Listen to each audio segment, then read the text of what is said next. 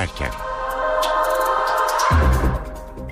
İyi akşamlar. NTV Radyo'da eve dönerken haberler başlıyor. Ben Nurtuğba Algül. Türkiye ve dünyadan günün önemli gelişmeleriyle sizlerle birlikte olacağız. Öne çıkan haberlerin özetiyle başlıyoruz. Cumhuriyet Halk Partisi 18. olağanüstü kurultayını Ankara'da gerçekleştiriyor. Genel başkanlık için Kemal Kılıçdaroğlu ile Muharrem İnce yarışıyor. Liderlerin belirlenmesi amacıyla yapılan oylama 17.30'da sona erecek. Yapılan konuşmaları ve salondaki atmosferi az sonra aktaracağız.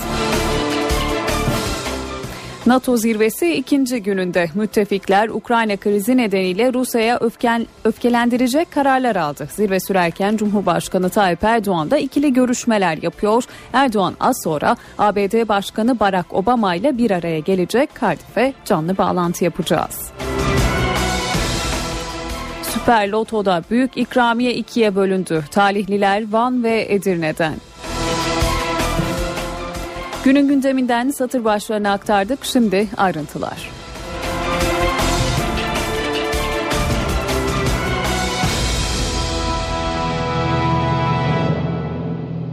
Cumhuriyet Halk Partisi'nde seçim heyecanı yaşanıyor. Muhaliflerin talebi üzerine kurultay toplandı. Delegeler sandık başına gitti. Yola Kemal Kılıçdaroğlu ile mi, Muharrem İnce ile mi devam edileceği karara bağlanacak. Mevcut Genel Başkan Kılıçdaroğlu olağanüstü kurultayda sert mesajlar verdi.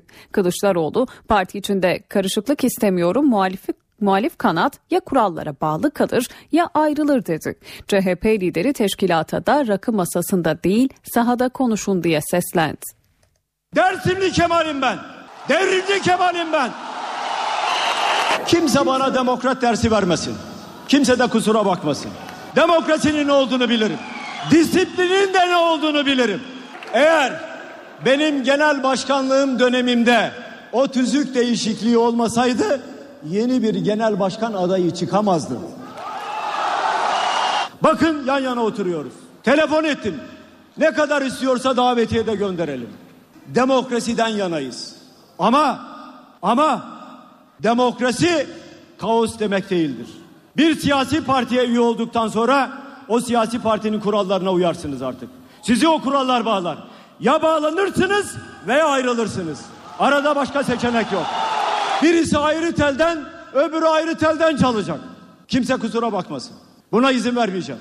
Dediler ki bu kurultay bir tasfiye kurultayı mıdır? Asla. Her oya ihtiyacımız var. Her kişiye ihtiyacımız var. Tasfiyeden yana değilim. Ama birlikten yanayım. Bir karar çıkar. Karar onaylanırsa hiç kimse o kararın aleyhine çıkıp televizyon ekranlarında konuşamaz. İzin vermeyeceğim buna. Kavgaya izin vermeyeceğimi kurultayın önünde söyleyeyim de efendim sen niye bunu yaptın kimse demesin. Açıkça söylüyorum. Diyorlar ki Cumhuriyet Halk Partisi elitist bir parti. Elit olmak ayrı, elitist olmak ayrı. Elitlere yani seçkinlere saygın vardır. Aydındır bunlar. Otururlar, konuşurlar. Düşüncelerini topluma aktarırlar ve toplumu aydınlatırlar. Ama bir de elitistler var. Rakı safralarında Türkiye'yi kurtarırlar. Bunlardan partiyi temizleyeceğim. Herkes çok iyi bilsin. Bana çalışan adam lazım. Rakı sofralarında konuşan adam değil. Her şey genel başkandan beklenmez. Proje üretirim. Adam gibi çalışacağız. CHP liderliğini hedefleyen Muharrem İnce, Genel Başkan Kemal Kılıçdaroğlu'nu üç ana başlıkta eleştirdi. İnce, CHP'nin tek adamlığa doğru gittiğini, sağ kaydığını ve parti ilkelerinden uzaklaşıldığını savundu.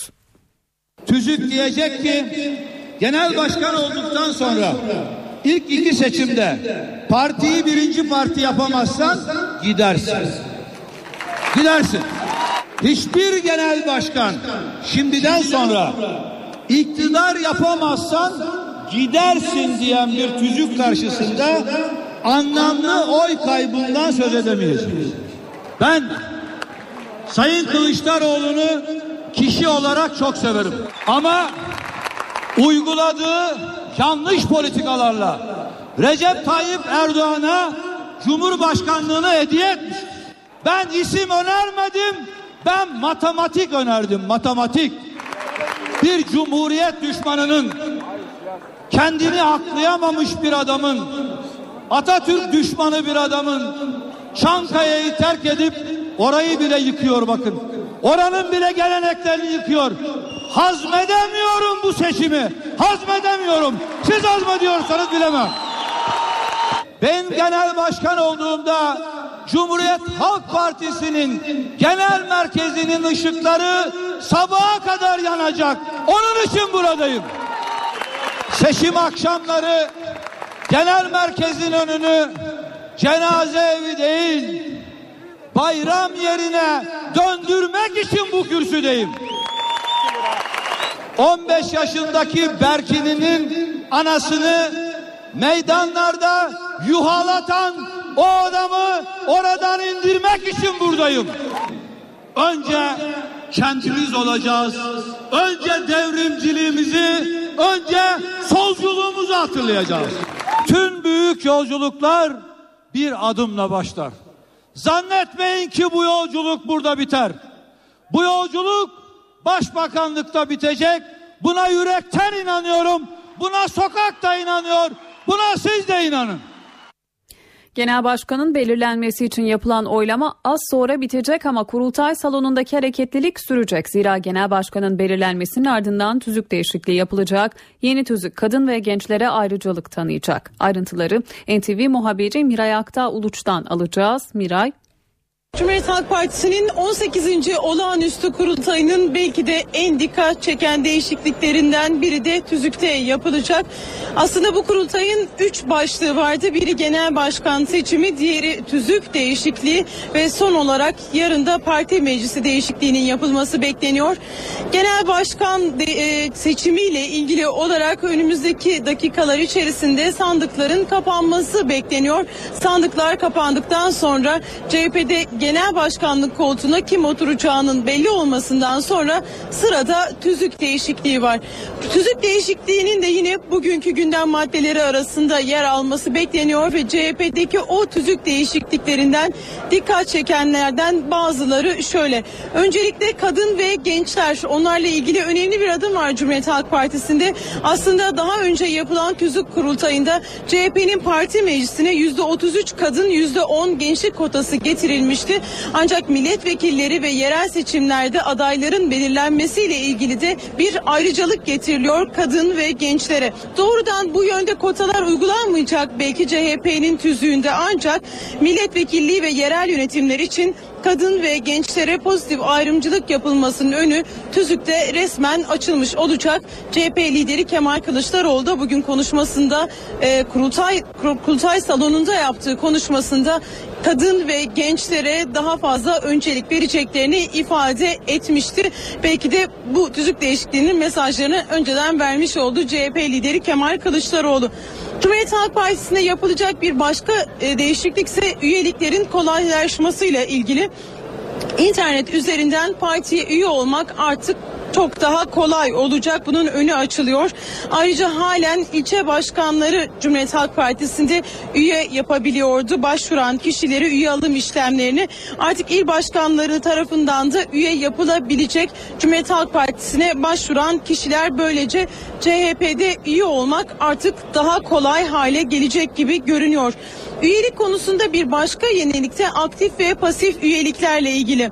Aidatını ödemeyen üyenin seçme ve seçilme hakkı elinden alınacak. Yani Cumhuriyet Halk Partisi'ne üyelik başvurusunda bulunmuşsanız ve aidatınızı ödemiyorsanız genel merkez sizi üyelikten atacak. Parti yetkilileri aidatın çok cüzi olduğunu ifade ediyorlar. Aidat göster aidatın partiye bir üyelik göstergesi olduğunu, bir bağlılık olduğunu ifade ediyorlar. Bu nedenle böyle bir değişikliği yaptıklarını da söylüyorlar. Ve bir başka değişiklik yine üyelikle ilgili doğrudan parti üyesi bir kişi eğer bir başka partiden adaylık başvurusunda bulunursa doğrudan Cumhuriyet Halk Partisi'nde disiplin işlemine gerek olmaksızın partiden ayrılacak. O ismi e, CHP'nin üyelik listesinden silinebilecek. Ve e, CHP'de il kongreleri de sık sık yapılabiliyor.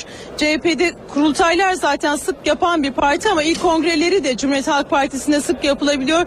Belki bunun birazcık daha önünü kesmek amacıyla tüzükte yapılacak bir değişiklik var. O da şöyle seçimden bir yıl önce teşkilatlarda görevden boşalma olursa il içerisinde olağanüstü kurultay yerine atanacaklar olağan kurultaya kadar görev yapabilecek. Bu ne anlama geliyor? CHP'de seçimlere bir yıl kala illerde kongre yapılamayacak. Buna ihtiyaç olsa dahi olağan kongrenin süresi beklenmek durumunda olacak. CHP'nin tüzük değişiklikleri bu şekilde bu değişiklikler genel başkan seçiminin tamamlanmasının ardından gerçekleşecek. Ama bunlar arasında en çok dikkat çeken belki de kamuoyunu en çok ilgilendiren kadın ve gençlerin önünün açılıyor olması milletvekilliği ve yerel seçimlerde daha fazla kadın ve gençlere yer verilmesi için öncelik verilmesi tüzükte altı çizilecek önemli başlıklardan biri olacak gibi görünüyor. Konuşmaları aktardık. Peki içeride nasıl bir atmosfer vardı? Kemal Kılıçdaroğlu ve Muharrem İnce salona giriş yaptıklarında neler yaşandı? Yanıtlar sıradaki haberimizde. Coşkunuza, sevginize teşekkür ediyor Kemal Kılıçdaroğlu. CHP'nin birlik ve kardeşlik temasıyla gerçekleştirdiği olağanüstü kurultayından Kemal Kılıçdaroğlu ve Muharrem İnce sarılarak selamlaştı. İki rakip partilileri ve delegeleri birlikte selamladı, kurultayı yan yana izledi. CHP Genel Başkanı Kemal Kılıçdaroğlu kurultay salonuna torunuyla birlikte geldi. Kurultay bu kez kapalı spor salonu yerine Ato Kongrezyum'da yapılınca dışarıda kalanlar uzun kuyruklar oluşturdu. Dışarıdaki yoğunluk içeride de devam ediyor. Salona giremeyenler için farklı noktalara dev ekranlar kuruldu. Bulunduğumuz yer yaklaşık 5000 kişilik ve şu sıralarda konuşmalar dinleniyor. Parti meclisi üyeliği için verilen kıyasıya mücadele de afişlere yansıdı. Eski CHP Genel Başkanı Deniz Baykal, eski Şişli Belediye Başkanı Mustafa Sarıgül ve Türkiye Barolar Birliği Başkanı Metin Feyzioğlu da davetliler arasındaydı. Protokolün önünü boşaltmamız. CHP lideri salona Ciao Bella şarkısı eşliğinde girdi. Bakırköy Belediyesi Oda Orkestrası'nın mini konseriyle açılan kurultayda gezi olayları da unutulmadı.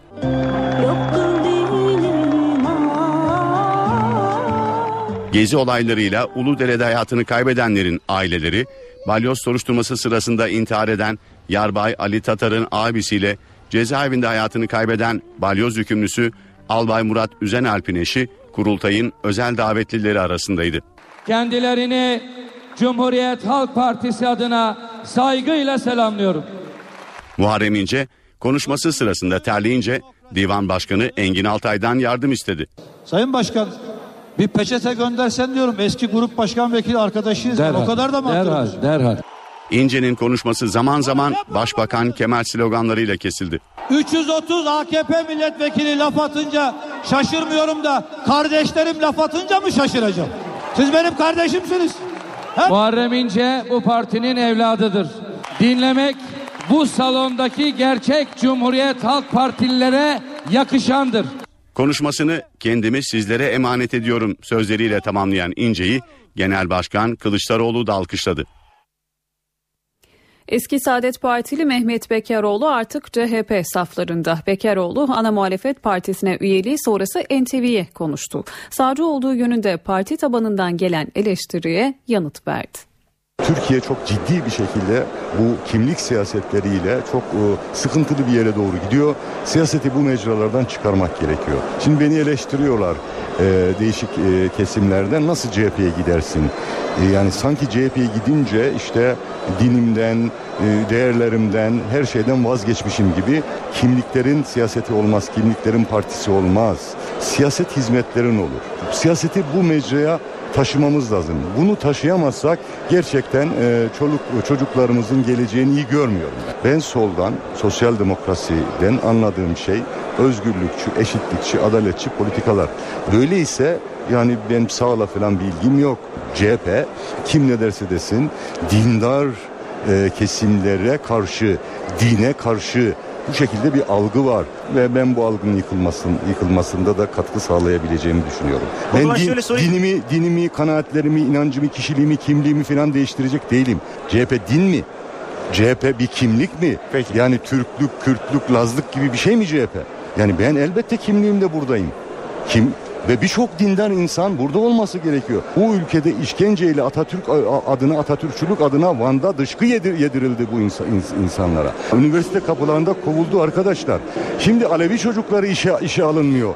Bunları yıkmamız lazım. Bu kimlik siyasetlerine son vermemiz gerekiyor. Kimlik Türkiye'nin gözü bugün bir yandan da Galler'de düzenlenen NATO zirvesinde. Zirvede Türkiye'yi temsil eden Cumhurbaşkanı Erdoğan önümüzdeki dakikalarda ABD Başkanı Barack Obama ile ikili görüşecek. O görüşmede bölgesel konuların yanı sıra Erdoğan'ın Obama'dan Fethullah Gülen'in iadesini masada olacağını belirtmesi bekleniyor. Ayrıntıları Cardiff'ten NTV temsilcisi Güldener Sonumut anlatıyor.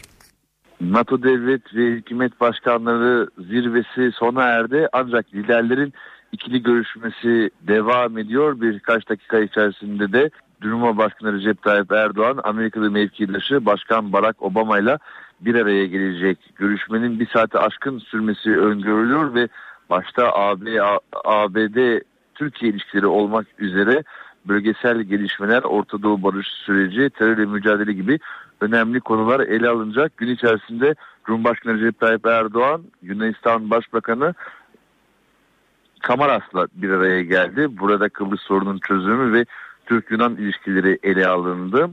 Almanya Şansölyesi Angela Merkel'le de bir araya gelen Cumhurbaşkanı Recep Tayyip Erdoğan, Almanya'nın Türkiye'yi istihbarat teşkilatları üzerinden izlediği, dinlediğine dair haberler hakkında bilgi alıp bu konuda Almanya'nın bundan böyle Türkiye'yi istihbarat teşkilatı üzerinden dinlememesi gerektiği hususunu hatırlattı. Bununla birlikte güvenlik ve terörle mücadele açısından Türkiye'nin her zaman işbirliğine açık olduğu da hatırlatıldı. Ankara ayrıca Avrupa Birliği sürecine ivme vermek istediğinin altını çizerek Kıbrıs sorunun çözüm sürecinde de iradesini yeniledi zirveyi düzenleyen ev sahibi ülke İngiltere Başbakanı David Cameron da Cumhurbaşkanı Recep Tayyip Erdoğan'la bir araya geldi. İkili görüşmede hem Kıbrıs sorunun çözüm süreci hem de terörle mücadele ve IŞİD konusunda İngiltere'nin Türkiye'den işbirliği çağrısı oldu.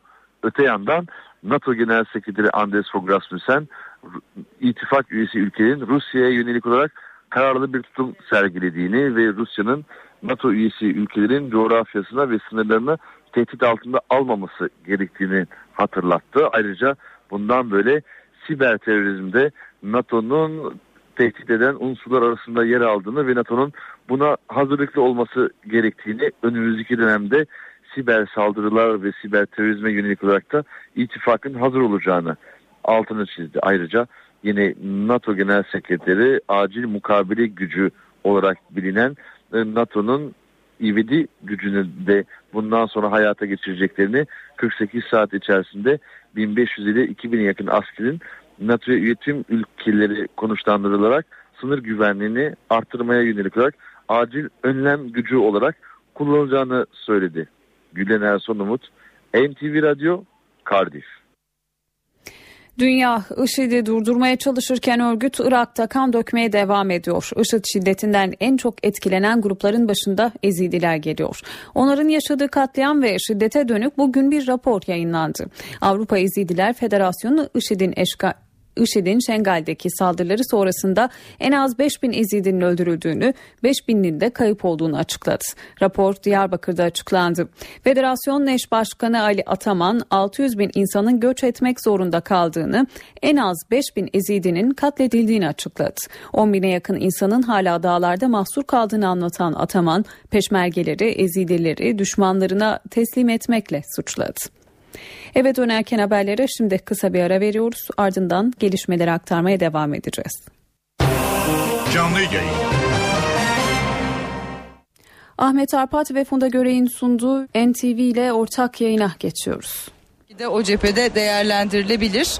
Ee, yarın yapılacak parti meclis seçimlerine bunun nasıl yansıyacağı da şimdi çok önemli hale geldi. Çünkü orada e, evet bir çarşaf liste olacak, evet bir anahtar liste olacak ama o listeye e, genel merkezin istediği isimlerden kaçı girecek, muhalif diye adlandırdığımız isimlerden kaçı girecek bu oy oranı şimdi bu dengelerin tamamını da değiştirebilir. Peki Öyle Funda görünüyor. bu oy oranına baktığımızda yarın için e, genel merkez bundan bir saat öncesine göre daha e, rahat şanssız diyebilir miyiz? Ee, bu kadarını bekliyorlar mıydı? Ee, onu tabii yorumlamak gerekiyor. Şimdi az sonra e, Miray da bizle birlikte olacak. O da tabii CHP kulislerine e, sabahtan bu yana e, hakim olduğu için e, detaylara daha hakim olduğunu düşünüyorum. Bekleniyor muydu bu oy oranı diye Ahmet Arpat'la konuşuyorduk. Miray Akdavut. Oy oranı açıkçası beklenmiyordu. E, hatta genel merkez e, genel başkanın 900'den fazla oy alacağını e, düşünüyordu. En azından e, daha önce yaptığımız konuşmalarda e, CHP kulislerinde, genel merkez kulislerinde konuşulan buydu.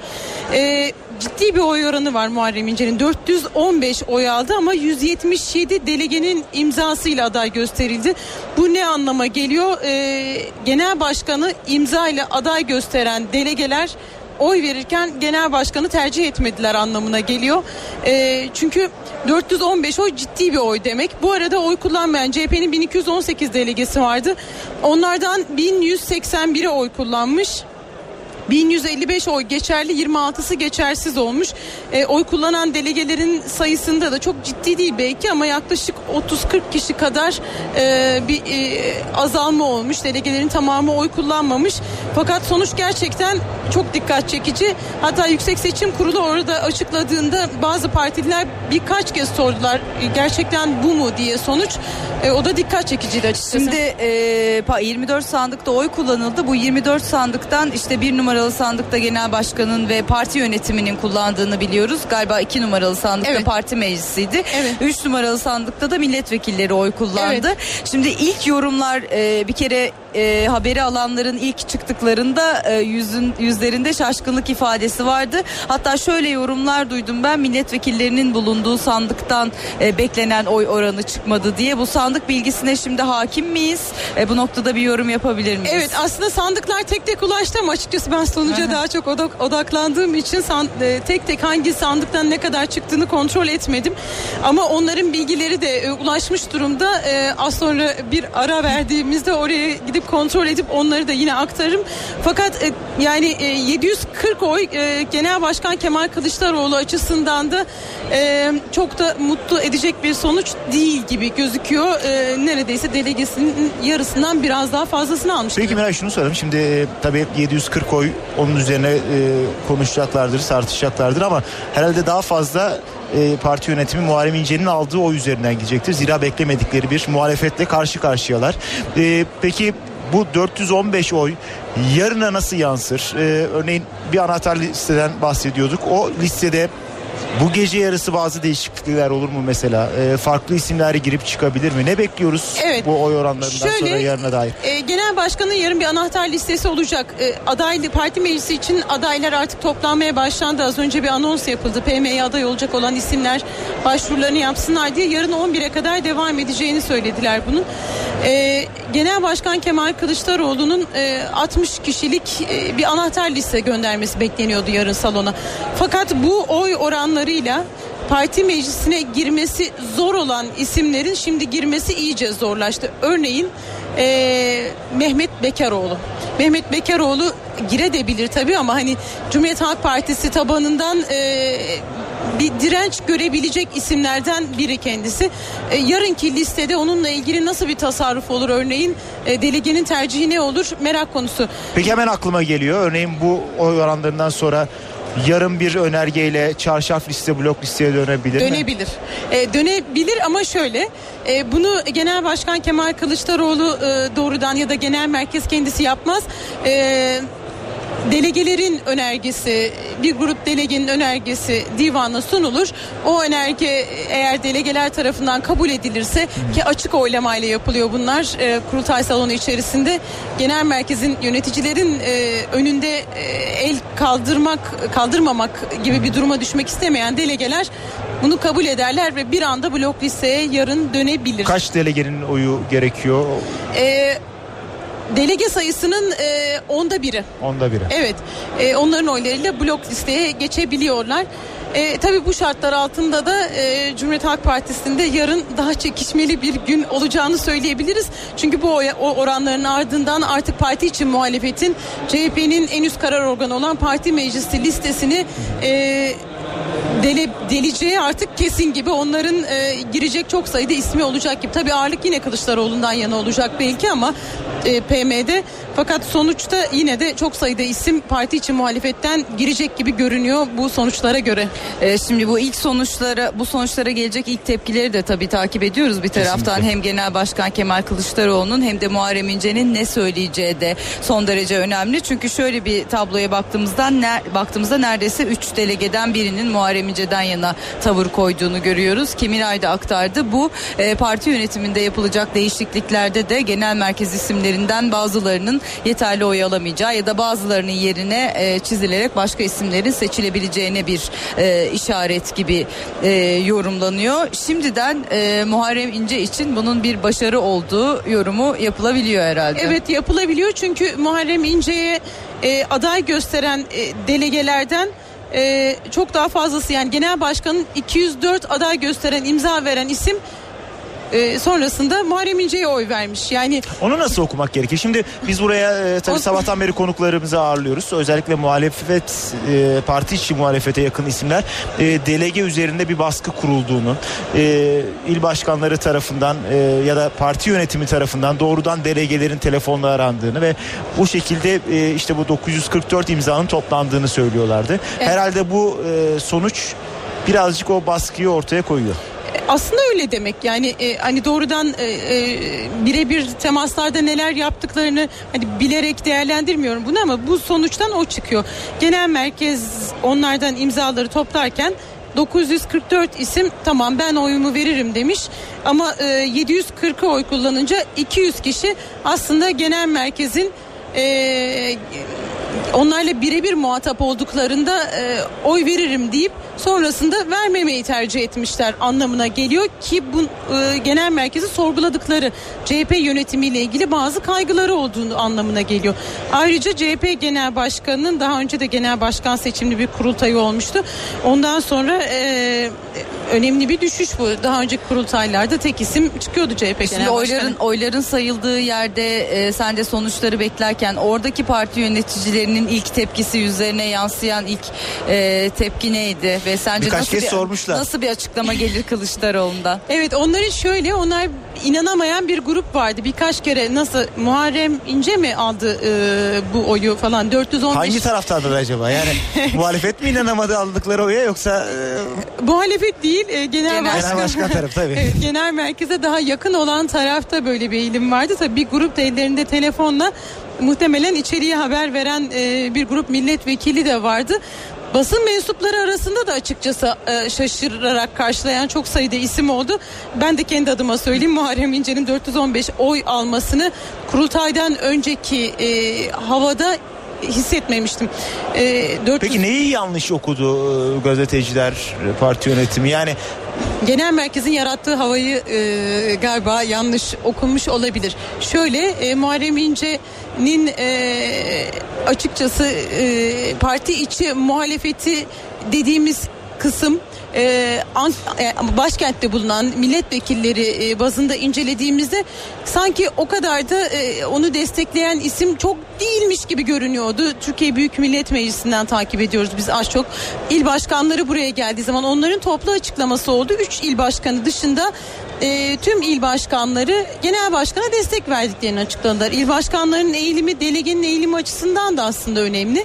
O yüzden e, tüm bunlar üst üste gelince genel merkezden konuştuğumuz kişiler e, Muharrem İnce örneğin e, kısa bir süre öncesine kadar Muharrem İnce'ye yakın isimler 300 oy 300 civarında oy alırız diyorlardı. Onların da şaşırdığını düşünüyorum açıkçası. Muharrem İnce'ye verilen oyları hem elbette Muharrem İnce'ye verilen oylar ama bir taraftan da e, Genel Başkan'ın 30 Mart'tan bu yana ve parti yönetiminin 30 Mart'tan bu yana ortaya koyduğu perspektife, bakış açılarına ve tercihlerine verilmeyen oylar olarak da yorumlanabilir. Bizim bütün Evet. gün burada yayınlarda yaptığımız e, parti eksen mi değiştiriyor, parti sağ mı kayıyor bütün bu tartışmalar be- belli ki delege üzerinde de böyle bir etki yapmış ve Muharrem İnce'nin yükselen oyları aslında bir taraftan Kılıçdaroğlu'na verilmeyen ve o politikaların onaylanmadığı anlamına gelen oylar Evet. şeklinde de yorumlanabilir. Evet çünkü doğrudan Muharrem İnce'ye verilmiş e, de değil belki. Genel başkana tepki olarak genel başkanın izlediği son dönemde izlediği politikaya tepki olarak da oylar bu şekilde çıkmış Peki Miray olabilir. teşekkürler. Tabii konuşacak Ben daha çok şey var. ederim. Devam edeceğiz ama şimdilik sözü İstanbul'a bırakalım. NTV Radyo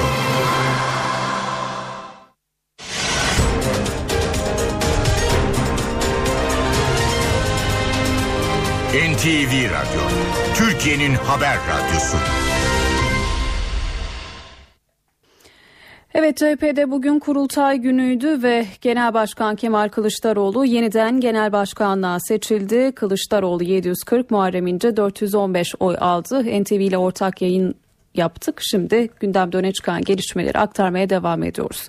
Hakimler Savcılar Yüksek Kurulu'nun üyelerini belirleyecek kritik seçim öncesi 15 bin yargıca zam ve sicil affı geliyor. Ancak yarışta yer alacak Yarsav bloğu bunu seçim rüşveti olarak değerlendiriyor. Hükümet, hakim ve savcılar yüksek kurulu seçimleri öncesinde kritik bir adım attı. Hakim ve savcılara seçim öncesinde maaş zammıyla sicil ve disiplin cezalarına af geliyor. Adalet Bakanlığı'nın hazırladığı yasa tasarısında tüm hakim ve savcıları kapsayacak maaş zammı planlanıyor. Zam oranında son karar Bakanlar Kurulu'nda alınacak. Tasarı hakim ve savcılara sicil affı da öngörüyor. Yasanın yürürlüğe girdiği tarihte yer değiştirme cezası hariç tüm cezaların affı öngörülüyor. Yer değiştirme cezalarına ise yeniden inceleme yolu açılıyor. Çok sayıda hakim ve savcının birinci sınıfa ayrılmaması ve haklarını alamamasına yol açan cezalar düzenlemeyle ortadan kaldırılacak. Düzenlemeyle görevde 10 yılını doldurmuş idari yargıçlar sınavsız olarak hukuk fakültesine girebilecek. Düzenlemenin pazartesi günü Bakanlar Kurulu'nda ele alınması ve ardından meclise sevk edilmesi bekleniyor. Emniyetteki paralel yapılanma iddialarına yönelik 3. dalga operasyon tamamlandı. Mahkemeye sevk edilen son 8 kişiden 3'ü de tutuklandı. Böylece pazartesi günü başlayan operasyonda gözaltına alınan 33 kişiden 8'i tutuklanmış oldu. Paralel yapı iddialarına yönelik 3. dalga tamamlandı. Son olarak hakim önüne çıkan 8 polisten İbrahim Şener, Habib Kunt ve Mehmet Fatih Yiğit tutuklandı. 3 polise yöneltilen suçlama hükümeti devirmeye teşebbüs oldu. Eski Mali Suçlarla Mücadele Şube Müdürü Yakup Saygılı'nın da aralarında bulunduğu 5 kişi aynı suçlamayla tutuklanmıştı. Tutuklama kararında balyoz davasına atıf yapıldı. Yargıtay 9. Ceza Dairesi balyoz davası kararında suça ilişkin maddede aranan cebir şiddetinin her durumda dar anlamıyla maddi cebir olarak anlaşılmaması gerekir. Failin kullandığı vasıtalar, hükümetle konumu ve ilişkisi, kullandığı cebrin şekli, kaynağı, etki alanı düzeyi, sahip olduğu imkan ve kabiliyetler dikkate alınır denilmişti. İstanbul 1. Sulh Ceza Hakimliği kararında bu ifadelere yer verdi. Serbest bırakılan polislerse tutuklananların kendilerine verdiği mesajları okudu. Yakup Saygılı mesajında vatana ve millete ihanet ettiysek bizi assınlar dedi. Son operasyonda gözaltına alınan 33 kişiden 25'i serbest bırakıldı. 3 operasyonda tutuklananların toplam sayısı ise 51'e yükseldi. Afyonkarahisar'da 25 askerin şehit olduğu cephanelik patlamasının üzerinden 2 yıl geçti ancak acılar hala taze. Aileler olayın tam olarak aydınlatılmadığı düşüncesinde. Afyonkarahisar'da patlama sonucu 25 askerin yaşamını yitirdiği mühimmat deposu şehitlik anıtı olacak. Depo ise başka yere taşınacak. Facianın üzerinden 2 yıl geçti. 5 Eylül 2012'de şehit uzman çavuş Mete Saraç kışlasındaki patlamada şehit olan askerler için anma töreni yapıldı. Törene şehit askerlerin yakınları da katıldı. Acılar tazelendi. Aileler olayın aydınlatılamamasına tepkili. Unutturmayın bunu. Unutturmayın. Şehit yakınları yetkililerden olay yerine anıt yapılması için söz aldı. Yer tespiti yapıldı. E, Hatta arazinin tahsisi bile yapıldı. Cephanelerimiz buradan taşınacak. En güzel bir şekilde projesini yapıp burada anıtı, şehitliği yapacağız. Olayın üzerinden iki yıl geçmesine rağmen bölgeden patlamanın izleri silinmedi. El bombası çıkıyor. El bombası çıktığında jandarmaya telefon ediyoruz. Gelip götürüyorlar. Şimdi sıkıntı bu. Mahalle sakinleri cephaneliğin bölgeden taşınmasını istiyor. Şehit uzman çavuş Mete Saraç kışlasında 5 Eylül 2012'de meydana gelen patlamada 25 asker şehit olmuş, 8'i asker, 11 kişi yaralanmıştı. Eve dönerken haberlere kısa bir ara veriyoruz ardından gelişmeleri aktarmaya devam edeceğiz. Eve dönerken devam ediyor. Saat 17.43 eve dönerken devam ediyor. İstanbul'da bu sabah yine bir otobüs kazası oldu. Beşiktaş'ta freni boşalan İETT otobüsü kaldırımı aşarak aç, ağaçlık alana girdi. Kazada ölen ya da yaralanan olmadı. Ancak olay sonrası şoförün söyledikleri bir hayli çarpıcıydı. Şoför bu araçlar sorunlu elden geçirilmeli dedi. Şişli'den Dolmabahçe'ye inerken Hafız Güzel yönetimindeki İETT otobüsünün freni arızalandı. Önündeki yakıt tankerine çarpmamak için direksiyonunu kıran şoför aracı kaldırıma çıkarttı ve ancak ağaçlık alanda durabildi. Kazada ölen ya da yaralanan olmadı. Şoför ise kısa süre baygınlık geçirdi. 16 yıldır otobüs kullanan Güzel'in kazanın nedeniyle ilgili iddiası dikkat çekiciydi. Oksijen yanan arabayı durduramadık. Bu arabaları yeniden elden geçirmeleri lazım. Aracın freni boşaldı. El freninde tutmayınca şoförümüz yani tecrübeye dayanıp kendini bu parka doğru attı.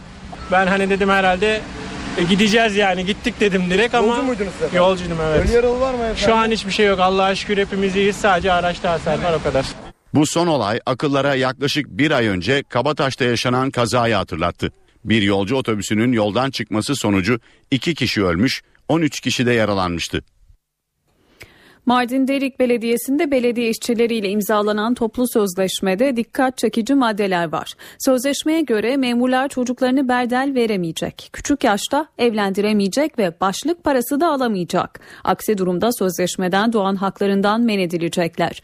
Belediye Başkanı Sebahat Çetinkaya sözleşmede kadına yönelik pozitif ayrımcılık ilkesi benimsedikleri için böyle bir uygulama yaptıklarını söyledi. Süper Loto bir kez daha devretmedi. Dün akşam yapılan çekilişle sihirli 6 rakam belirlendi. İki talihli var.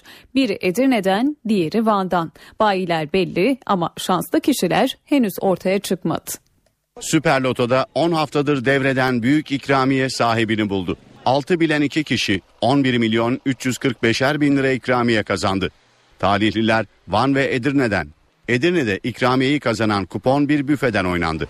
Bayi sahibi Fatih Güler talihlinin ortaya çıkmasını istemiyor. Pek çıkacağını zannetmiyorum ortaya. Allah yardımcısı olsun. Biz bile yani akşamdan beri bunu aldık telefonlardan.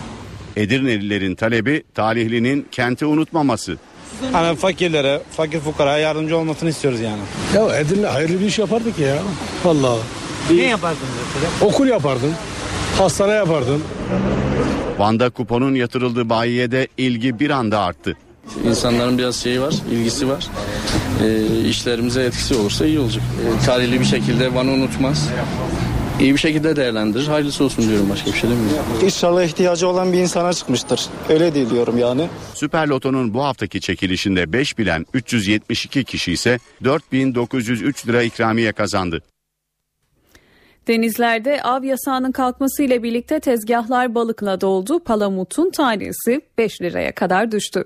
Balıkçılar yeni sezondan umutlu. Balık çok yası abi balık çok yası. Sezon başladığı balığın durumu şu an iyi gidiyor. İnşallah böyle devam eder. Hem balıkçı hem vatandaşı yüzü güler. Ya balık demek hayat demek yani. Sağlık demek. Başka bir sözü yok. Balık sezonu açıldı, tezgahlar hareketlendi. İlk günlerde 20-25 liraya satılan palamutun tanesi 5 liraya kadar düştü. Palamutlar abi 7 lira var, 6 lira var, 5 lira var. Bugün mesela 9 lira palamut. Yarın bu palamut kaç paraya alabilirsin? 13 lira. Yarın 5 lira da olabilir, 15 lira da olabilir. Hamsi ve İstavrit şu an bol. 5 liradan gidiyor. 7 lira 5 lira arası. Ve çok iyi yani. Palamut da ızgara olur, fırında olur. Kuğulama şeklinde olur. Palamudu domatesli, biberli, patates, soğan o şekilde buğulama yapabilirsiniz. Fiyatlar havalara göre değişiklik gösterebiliyor. Şahane balık efendim. şahane Bugün balık. palamut 6 milyon lira. Yarın 10 milyon lira olur ve 3 lira olur. Havaya baktığın zaman hava soğuk olur ve eserse balık gelmez. Bugün mesela palamutun çifti 10 liraysa adamın ağının bir tanesi 500 milyar lira. Yani 100 kasa palamut için o ağ feda edemez. Balığa ilgi var ama halk fiyatları yüksek buluyor. Biz haberlerde duyduk ucuz diye ama pek ucuz değil. Biraz memnun değiliz de eşimle çocuklarla birlikte araştırıyoruz. En ucuzunu bulmaya çalışacağız. Doğanın değişiminden dolayı balıkta da tüketme var. Yani bal- balık eskiye göre balık az. Yani eskiye göre balık ya balık az olduğu için fiyatları ister ister artışıyor. Radyosunu yeni açanlar için CHP kurultayı sonucunu tekrarlayalım. Kılıçdaroğlu 740 oyla yeniden genel başkan seçildi. Rakibi Muharrem İnce ise 415 oy aldı. İnce'nin aldığı oy parti kulislerinde sürpriz olarak nitelendiriliyor. Yeni bir gelişme olunca CHP kurultay salonundan özel yayına ba- bağlanacağız. Bir başka önemli gelişme ise Cumhurbaşkanı Erdoğan'ın NATO zirvesi için gittiği Galler'de Amerika Birleşik Devletleri Başkanı Obama ile görüşmesi. Burada da gelişme oldukça sizlerle paylaşmaya devam edeceğiz. Para ve sermaye piyasalarındaki işlemlere bakalım şimdi. Borsa İstanbul şu sıralarda 82.174 seviyesinde serbest piyasada dolar 2 lira 15 kuruş, euro 2.79'dan işlem görüyor. Kapalı çarşıda ise Cumhuriyet altını 592, çeyrek altın 143 liradan satılıyor. Eve dönerken haberlerin bu saatini noktalıyoruz. Saatler 18'i gösterdiğinde gelişmeleri aktarmaya devam edeceğiz. Canlı yayın. Genel Başkanlığa yeniden seçilen Kemal Kılıçdaroğlu teşekkür konuşması yapıyor. Canlı olarak aktarıyoruz.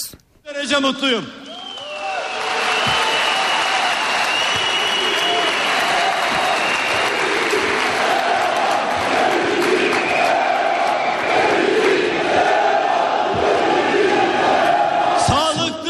Rekabetin olabileceğini bir arada rahatlıkla tartışabileceğimizi bütün dünyaya gösterdik. Bundan ötürü de son derece mutluyum.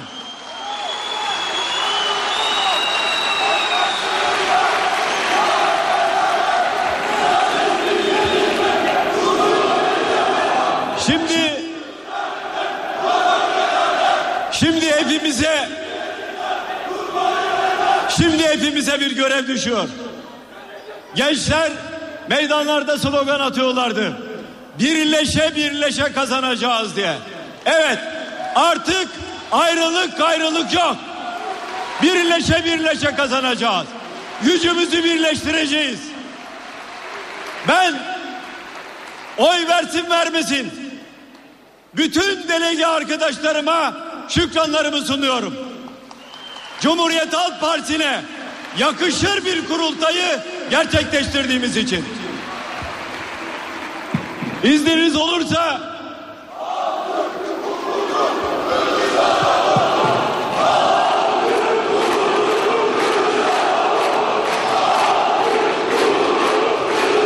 İzniniz olursa diğer genel başkan adayımız Sayın Muharrem İnce'yi buraya almak istiyorum.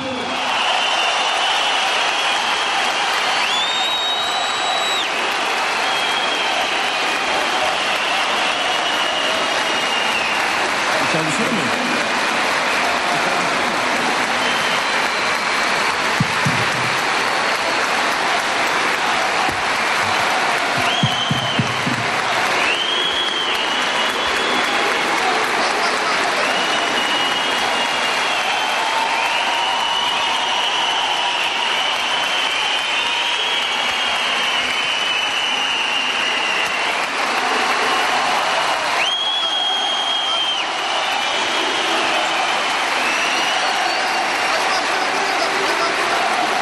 Biz büyük bir aileyiz.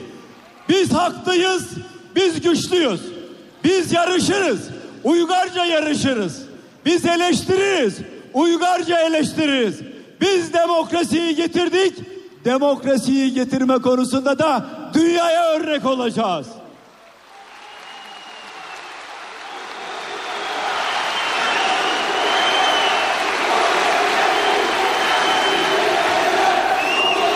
Cumhuriyet Halk Partisi her zaman yeni kadrolar yetiştirmek zorundadır.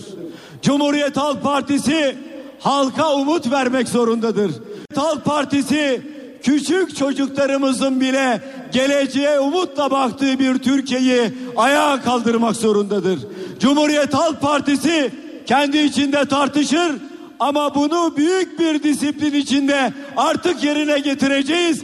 Bu konuda benim sözüm söz. Size söz verdim. Sözümde duracağım.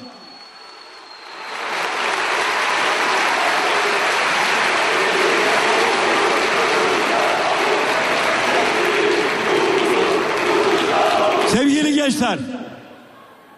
Size her zaman inandım, her zaman güvendim. Bu ülkenin geleceği gençliktedir. Siyasete giriniz. Sadece burada olanlara söylemiyorum. Türkiye'de siyaset yapmak isteyen gençler siyaseti zorlayınız. Siyasete mutlaka giriniz. Eğer ülkenin sorunlarının çözülmesini istiyorsanız, benim de sözüm dinlensin istiyorsanız, benim de katkım olsun diyorsanız mutlaka siyasette yerinizi alın. Bir kulvar açtık, o kulvarı genişletin. Yüzde on barajını kabul etmeyin. İsteyin daha yükseğini isteyin. Daha fazlasını isteyin.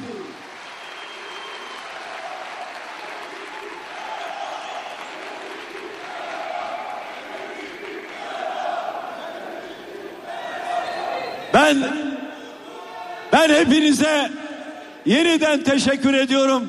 Şükranlarımı sunuyorum. Muharrem Bey'e söyledim. Bir şeyler söylemek isterim ister misin diye. O da bir şeyler söyleyecek. Hep beraber bayram havası içinde bu salondan ayrılacağız.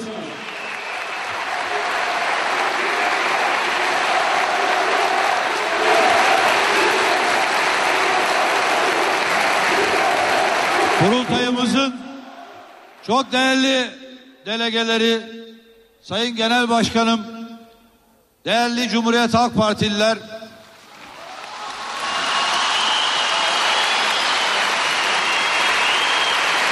önceden beni Yalova'daki seçmenler seçiyordu. Grup başkan vekilliğinde milletvekilleri oy veriyordu. Ama bugün Hakkari'den Edirne'ye, Artvin'den Muğla'ya, Türkiye'nin dört bir yanından kurultay delegesi arkadaşlarım oy verdi. Önceden 15 saat çalışıyorsam şimdi 20 saat çalışacağım. Sorumluluğum arttı.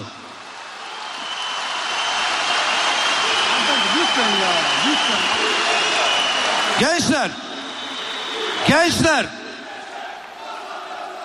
gençler, yarışacağız, tartışacağız ama kavga etmeden sonucu kabulleneceğiz. Türkiye'ye çok partili yaşamı Cumhuriyet Halk Partisi getirdi. İsmet Paşa getirdi. Şimdi bunu taçlandırmak için bu Recep Tayyip Erdoğan'ın ileri demokrasi dediği bu faşist düzeni yıkmak için el birliğiyle çalışacağız.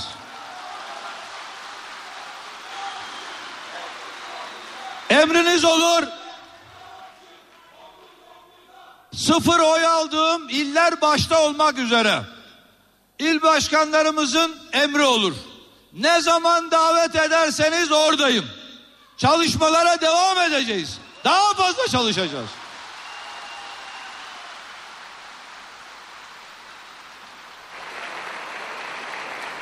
Bir saat öncesinde Sayın Kılıçdaroğlu benim rakibimdi. Şimdi rakibim değil, benim genel başkanımdır.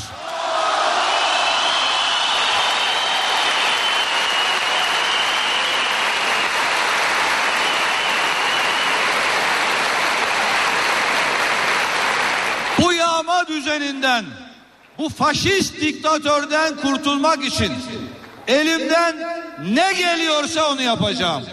Bana oy veren vermeyen bütün arkadaşlarıma çok teşekkür ediyorum. Kurultayımıza başta divanımız olmak üzere katılan bütün dostlarımıza, delegelerimize, gönüldaşlarımıza, üyelerimize, yöneticilerimize hepinize çok teşekkür ediyorum. Sayın Genel Başkanımıza saygılarımı sunuyorum. Sağ olun, var olun.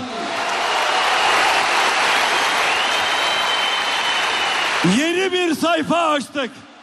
Güzel bir sayfa açtık. Bir demokrasi sayfası açtık. Baksınlar Cumhuriyet Halk Partisi'nin kurultaylarına. Kuzey Kore'nin kurultayı değil burası. Türkiye Cumhuriyeti'nde Cumhuriyet Halk Partisi'nin kurultayı burası.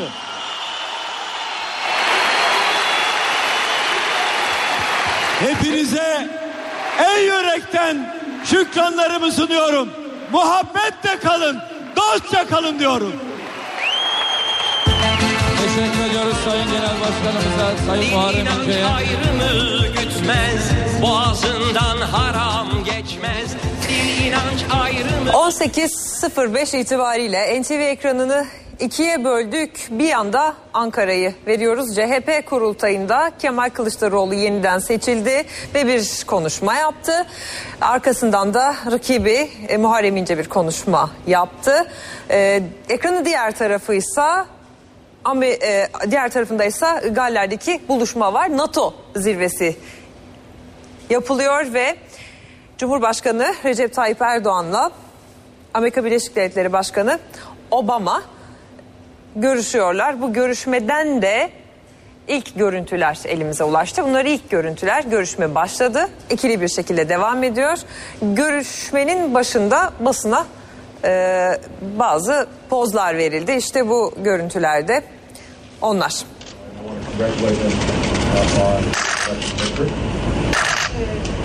Cumhurbaşkanı seçilen Başbakanlar, Cumhurbaşkanı Erdoğan'la tekrar istediğim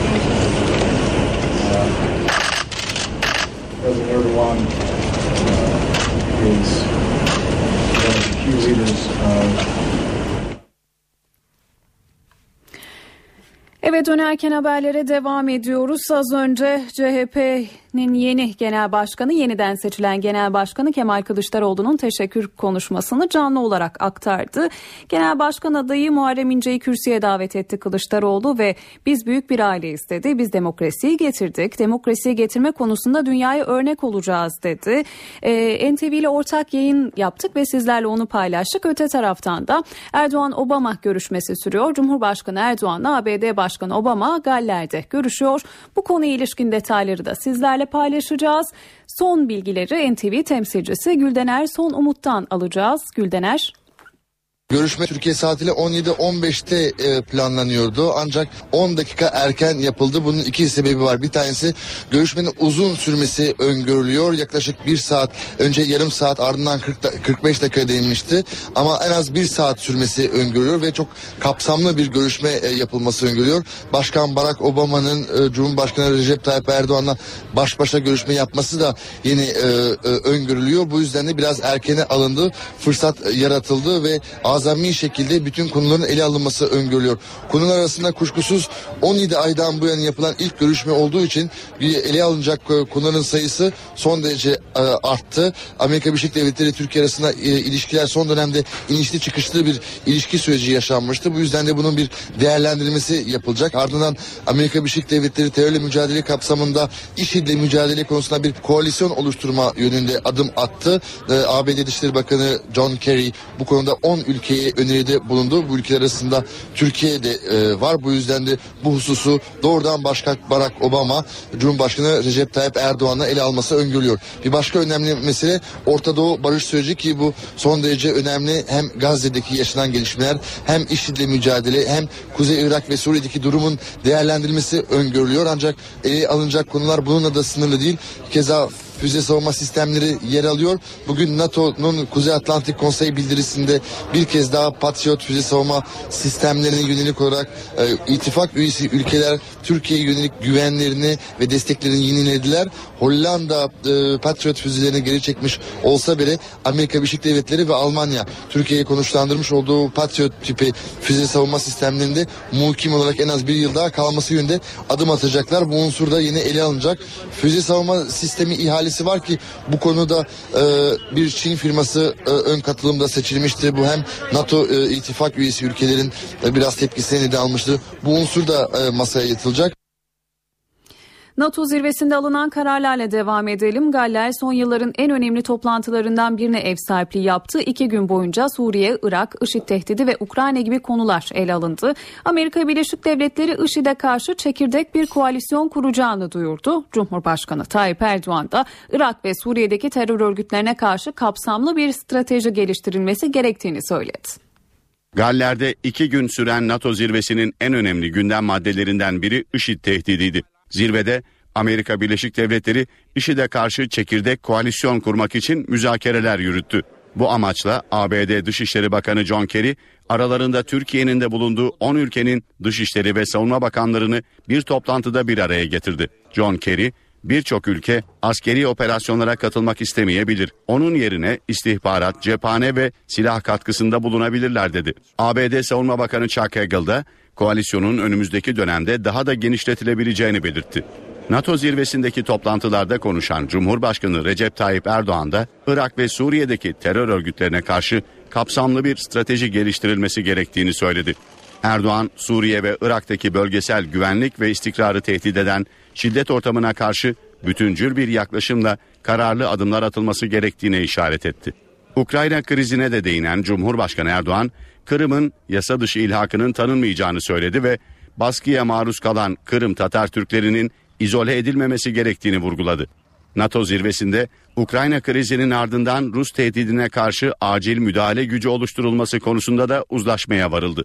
5000 askerden oluşan müdahale gücü Doğu Avrupa'ya konuşlandırılacak. NTV Radyo Günün öne çıkan bir diğer gelişmesi ise hiç kuşkusuz CHP'deki olağanüstü kurultaydı. Kurultayda 740 oyla yeniden genel başkanla seçilen Kemal Kılıçdaroğlu az önce bir teşekkür konuşması yaptı. Kılıçdaroğlu yeni bir sayfa açtık. CHP olarak halka umut vereceğiz dedi. Muharrem İnce'yi kürsüye davet etti. Biz büyük bir aileyiz dedi. Biz demokrasiyi getirdik. Demokrasiyi getirme konusunda dünyaya örnek olacağız ifadelerini kullandı. Muharrem İnce ardından kürsüye çıktı ve verilen destek sorumluluğumu arttırdı. Tartışacağız ama kavga etmeden sonucu kabulleneceğiz. Kılıçdaroğlu bir saat öncesine kadar benim rakibimdi. Şimdi genel başkanım ifadelerini kullandı. Eve dönerken haberleri şimdi kısa bir ara veriyoruz. Ardından günün öne çıkan gelişmelerini aktarmaya devam edeceğiz. Eve dönerken devam ediyor. Saat 18.17 eve dönerken haberler devam ediyor. Bugün CHP'de olağanüstü kurultay günü ve kurultayda 740 oyla yeniden genel başkanlığa seçilen Kemal Kılıçdaroğlu az önce bir teşekkür konuşması yaptı. Kılıçdaroğlu yeni bir sayfa açtık CHP olarak halka umut vereceğiz dedi. Biz büyük bir aileyiz biz demokrasiyi getirdik demokrasiyi getirme konusunda dünyaya örnek olacağız dedi ve kürsüye diğer aday Muharrem İnce'yi davet etti. Verilen destek sorumluluğumu arttırdı. Tartışacağız ama kavga etmeden sonucu kabulleneceğiz ifadelerini kullandı Muharrem İnce ve Kılıçdaroğlu bir saat öncesine kadar benim rakibimdi. Şimdi genel başkanım şeklinde açıklamalarda bulundu. Evet CHP'nin 18. 18. olağanüstü kurultayı Genel Başkan Kemal Kılıçdaroğlu'yla Yalova Milletvekili Muharrem İnce'nin genel başkanlık yarışına sahne oldu. Gün içerisinde neler yaşandığına bakacağız şimdi. Kurultayda iki isim konuşma yaptı. Muharrem İnce bir buçuk, Kılıçdaroğlu bir saat kürsüde kaldı. İnce'nin hedefinde Kılıçdaroğlu vardı. CHP lideri ise parti teşkilatından sert mesajlar verdi. Parti içi demokrasi diyerek geldi, tek adamlığa gidiyor. Önce kendimiz olacağız. Önce devrimciliğimizi, önce solculuğumuzu hatırlayacağız. Dersimli Kemal'im ben. Devrimci Kemal'im ben. Kimse bana demokrat dersi vermesin. Benim genel başkanlığım dönemimde o tüzük değişikliği olmasaydı yeni bir genel başkan adayı çıkamazdı. Tek adamlık, sağa kayma, CHP ilkelerinden uzaklaşma. Genel Başkan adayı Muharrem İnce, rakibi Kemal Kılıçdaroğlu'nu bu üç ana başlıkta eleştirdi. Sayın Kılıçdaroğlu'nu kişi olarak çok severim. Ama uyguladığı yanlış politikalarla Recep Tayyip Erdoğan'a Cumhurbaşkanlığını hediye etmiş. Bu öngörüsüzlük, bu siyaseti bilmemektir. Sağdan o istemeye evet ama kendi ilkelerimizden vazgeçmeye kesinlikle hayır. Ben merkezli sol anlayıştan halk merkezli sol anlayışa geçtik biz. Kimse kusura bakmasın. Sol kimsenin tek elinde değil. Onun derdi başını almış gidiyor. Biz tutturmuşuz CHP sağa kaydı. CHP soldan ayrıldı. İnce Kılıçdaroğlu'nun artık yumruğumu masaya vuracağım açıklamasına da tepki gösterdi. Kılıçdaroğlu ise elitist sola yüklendi. Sayın Kılıçdaroğlu, siparişle masaya yumruk vurursanız sadece eliniz acır. Rakı safralarında Türkiye'yi kurtarırlar. Bunlardan partiyi temizleyeceğim. Herkes çok iyi bilsin. Bana çalışan adam lazım. Rakı sofralarında konuşan adam değil. Her şey genel başkandan beklenmez. Proje üretirim. İnce partiye katılımlar konusundaki eleştirilerini Yerel seçimde Ankara Büyükşehir Belediye Başkan adayı olan Mansur Yavaş ve kurultay öncesinde CHP'ye katılan Mehmet Bekaroğlu üstünden dile getirdi. CHP liderinin yanıtı sert oldu. Kendi kadrolarından bir aday bulamıyorsa yazıklar olsun. Demokrasi kaos demek değildir. Bir siyasi partiye üye olduktan sonra o siyasi partinin kurallarına uyarsınız artık. Sizi o kurallar bağlar. Ya bağlanırsınız veya ayrılırsınız. Kavgaya izin vermeyeceğimi kurultayın önünde söyleyeyim de efendim sen niye bunu yaptın kimse demesin. Konuşmaları aktardık. Peki içeride nasıl bir atmosfer vardı? Kemal Kılıçdaroğlu ve Muharrem İnce salona giriş yaptıklarında neler yaşandı? Yanıtlar sıradaki haberimizde. Coşkunuza, sevginize teşekkür ediyor Kemal Kılıçdaroğlu. CHP'nin birlik ve kardeşlik temasıyla gerçekleştirdiği olağanüstü kurultayından Kemal Kılıçdaroğlu ve Muharrem İnce sarılarak selamlaştı. İki rakip partilileri ve delegeleri birlikte selamladı, kurultayı yan yana izledi. CHP Genel Başkanı Kemal Kılıçdaroğlu kurultay salonuna torunuyla birlikte geldi. Kurultay bu kez kapalı spor salonu yerine Ato Kongrezyum'da yapılınca dışarıda kalanlar uzun kuyruklar oluşturdu. Dışarıdaki yoğunluk içeride de devam ediyor. Salona giremeyenler için farklı noktalara dev ekranlar kuruldu. Bulunduğumuz yer yaklaşık 5000 kişilik ve şu sıralarda konuşmalar dinleniyor. Parti meclisi üyeliği için verilen kıyasıya mücadele de afişlere yansıdı. Eski CHP Genel Başkanı Deniz Baykal, eski Şişli Belediye Başkanı Mustafa Sarıgül ve Türkiye Barolar Birliği Başkanı Metin Feyzioğlu da davetliler arasındaydı. Protokolün önünü boşaltmamız... CHP lideri salona Ciao Bella şarkısı eşliğinde girdi. Bakırköy Belediyesi Oda Orkestrası'nın mini konseriyle açılan kurultayda gezi olayları da unutulmadı.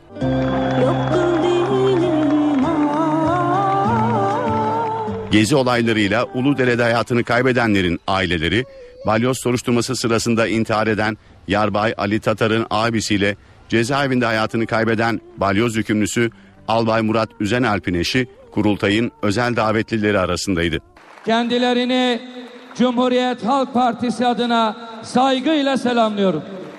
Muharrem İnce konuşması sırasında terleyince Divan Başkanı Engin Altay'dan yardım istedi. Sayın Başkan bir peçete göndersen diyorum eski grup başkan vekili arkadaşıyız. Derhal, o kadar da mı derhal, derhal. İnce'nin konuşması zaman zaman Başbakan Kemal sloganlarıyla kesildi. 330 AKP milletvekili laf atınca şaşırmıyorum da kardeşlerim laf atınca mı şaşıracağım? Siz benim kardeşimsiniz. Muharrem İnce bu partinin evladıdır. Dinlemek bu salondaki gerçek Cumhuriyet Halk Partililere yakışandır.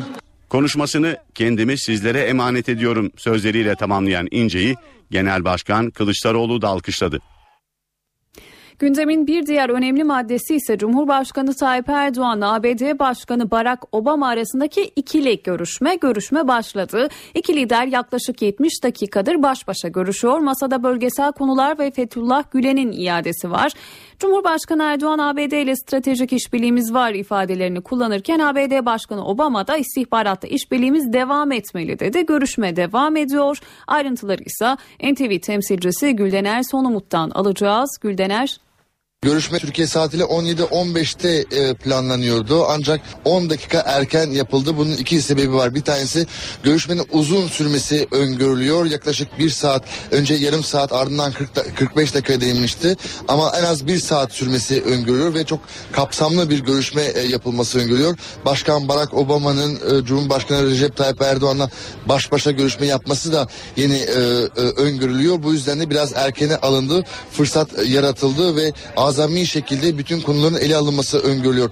Konular arasında kuşkusuz 17 aydan bu yana yapılan ilk görüşme olduğu için ele alınacak e, konuların sayısı son derece e, arttı. Amerika Birleşik Devletleri Türkiye arasında e, ilişkiler son dönemde inişli çıkışlı bir ilişki süreci yaşanmıştı. Bu yüzden de bunun bir değerlendirilmesi yapılacak. Ardından Amerika Birleşik Devletleri terörle mücadele kapsamında IŞİD'le mücadele konusunda bir koalisyon oluşturma yönünde adım attı.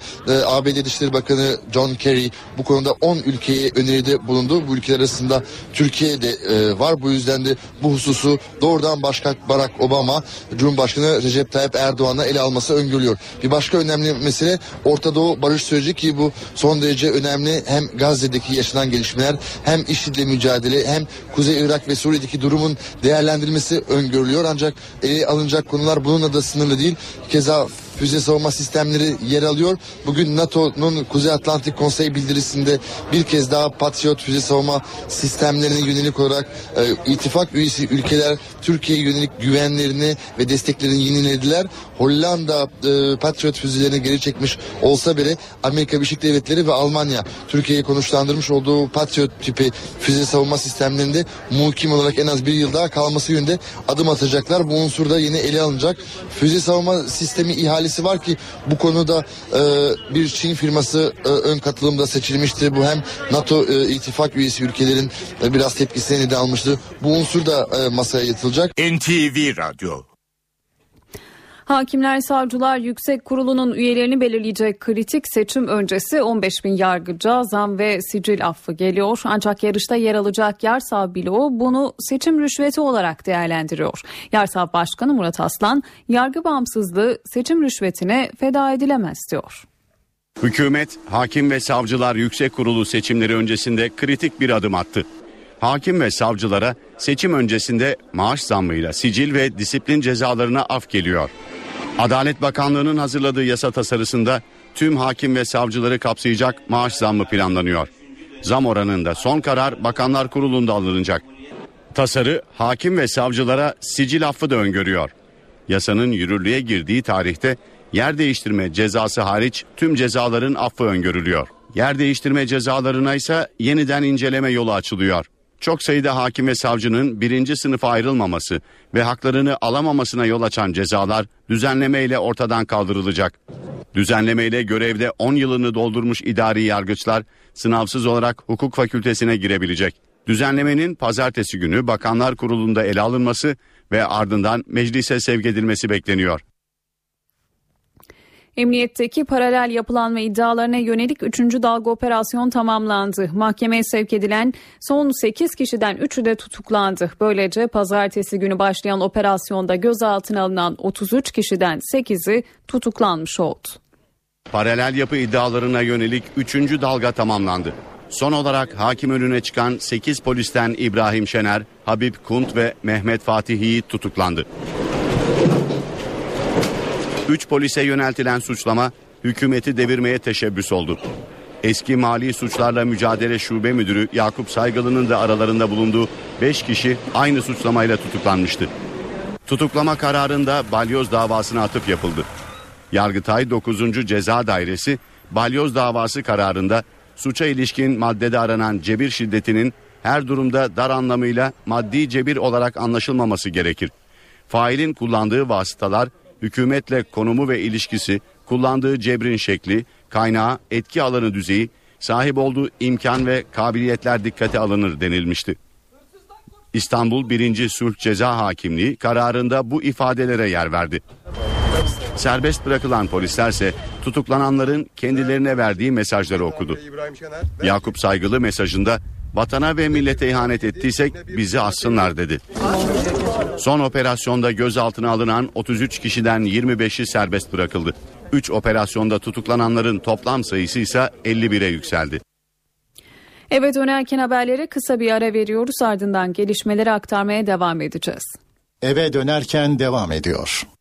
Saat 18.34 eve dönerken haberler devam ediyor. İstanbul'da bu sabah yine bir otobüs kazası oldu. Beşiktaş'ta freni boşalan İETT otobüsü kaldırımı aşarak ağaçlık alana girdi. Kazada ölen ya da yaralanan olmadı. Ancak olay sonrası şoförün söyledikleri bir hayli çarpıcıydı. Şoför bu araçlar sorunlu elden geçirilmeli dedi. Şişli'den Dolmabahçe'ye inerken Hafız Güzel yönetimindeki İETT otobüsünün freni arızalandı. Önündeki yakıt tankerine çarpmamak için direksiyonunu kıran şoför aracı kaldırıma çıkarttı ve ancak ağaçlık alanda durabildi. Kazada ölen ya da yaralanan olmadı. Şoför ise kısa süre baygınlık geçirdi. 16 yıldır otobüs kullanan Güzel'in kazanın nedeniyle ilgili iddiası dikkat çekiciydi. 30'da gelen arabayı durduramadık. Bu arabaları yeniden elden geçirmeleri lazım. Aracın freni boşaldı. El freni de tutmayınca şoförümüz yani tecrübeye dayanıp kendini bu parka doğru attı. Ben hani dedim herhalde e, gideceğiz yani gittik dedim direkt ama Yolcu muydunuz efendim? Yolcuydum evet. Ölü yaralı var mı efendim? Şu an hiçbir şey yok. Allah'a şükür hepimiz iyiyiz. Sadece araçta hasar var o kadar. Bu son olay akıllara yaklaşık bir ay önce Kabataş'ta yaşanan kazayı hatırlattı. Bir yolcu otobüsünün yoldan çıkması sonucu iki kişi ölmüş, 13 kişi de yaralanmıştı. Süper Loto bir kez daha devretmedi. Dün akşam yapılan çekilişle sihirli 6 rakam belirlendi. İki talihli var. Biri Edirne'den, diğeri Van'dan. Bayiler belli ama şanslı kişiler henüz ortaya çıkmadı. Süper Loto'da 10 haftadır devreden büyük ikramiye sahibini buldu. 6 bilen 2 kişi 11 milyon 345'er bin lira ikramiye kazandı. Talihliler Van ve Edirne'den. Edirne'de ikramiyeyi kazanan kupon bir büfeden oynandı. Bayi sahibi Fatih Güler talihlinin ortaya çıkmasını istemiyor. Pek çıkacağını zannetmiyorum ortaya. Allah yardımcısı olsun. Biz bile yani akşamdan beri bunu aldık telefonlardan. Edirnelilerin talebi talihlinin kenti unutmaması. Hani fakirlere, fakir fukaraya yardımcı olmasını istiyoruz yani. Ya Edirne hayırlı bir iş yapardık ya. Vallahi. Ne yapardın mesela? Okul yapardın. Hastane yapardın. Van'da kuponun yatırıldığı bayiye de ilgi bir anda arttı. İnsanların biraz şeyi var, ilgisi var. E, işlerimize etkisi olursa iyi olacak. E, tarihli bir şekilde Van'ı unutmaz. İyi bir şekilde değerlendirir. Hayırlısı olsun diyorum başka bir şey demiyorum. İnşallah ihtiyacı olan bir insana çıkmıştır. Öyle değil diyorum yani. Süper Loto'nun bu haftaki çekilişinde 5 bilen 372 kişi ise 4903 lira ikramiye kazandı. Denizlerde av yasağının kalkmasıyla birlikte tezgahlar balıkla doldu. Palamutun tanesi 5 liraya kadar düştü. Balıkçılar yeni sezondan umutlu. Balık çok yası abi balık çok yası. Sezon başladığı balığın durumu şu an iyi gidiyor. İnşallah böyle devam eder. Hem balıkçı hem vatandaşı yüzü güler. Ya balık demek hayat demek yani. Sağlık demek. Başka bir şey yok. Balık sezonu açıldı, tezgahlar hareketlendi. İlk günlerde 20-25 liraya satılan palamutun tanesi 5 liraya kadar düştü. Palamutlar abi 7 lira var, 6 lira var, 5 lira var. Abi bugün mesela 9 lira palamut. Yarın bu palamut kaç paraya alabilirsin? 13 lira. Yarın 5 lira da olabilir, 15 lira da olabilir. Hamsi ve İstavrit şu an bol. 5 liradan gidiyor. 7 lira 5 lira arası. Ve çok iyi yani. Palamut da ızgara olur, fırında olur. Kuğulama şeklinde olur. Palamudu domatesli, biberli, patates, soğan o şekilde buğulama yapabilirsiniz. Fiyatlar havalara göre değişiklik gösterebiliyor. Şahane balık efendim. Bugün palamut 6 milyon lira. Yarın 10 milyon lira olur ve 3 lira olur. Havaya baktığın zaman hava soğuk olur ve eserse balık gelmez. Bugün mesela palamutun çifti 10 liraysa adamın ağının bir tanesi 500 milyar lira. Yani 100 kasa palamut için o ağ feda edemez. Balığa ilgi var ama halk fiyatları yüksek buluyor. Biz haberlerde duyduk ucuz diye ama pek ucuz değil. Biraz memnun değiliz de eşimle çocuklarla birlikte araştırıyoruz. En ucuzunu bulmaya çalışacağız. Doğanın değişiminden dolayı balıkta da tüketme var. Yani bal- balık eskiye göre balık az. Yani eskiye göre balık ya balık az olduğu için fiyatları ister ister artışıyor. Para ve sermaye piyasalarındaki işlemlere bakalım şimdi. Borsa İstanbul haftayı 82.193 puandan tamamladı. Serbest piyasada dolar 2 lira 15 kuruş, euro 202.79'dan işlem gördü. Kapalı çarşıda ise Cumhuriyet altını 592, çeyrek altın 143 liradan satıldı. Türkiye Eurovision şarkı yarışmasında gelecek yılda olmayacak. TRT Genel Müdürü İbrahim Şahin, Türkiye'nin 2015 yılında düzenlenecek Eurovision şarkı yarışmasına katılmayacağını duyurdu. TRT birincinin oylarının belirlenmesinde jüri etkisinin artırılması üzerine 2013 ve 2014 yıllarında düzenlenen yarışmalara katılmamıştı.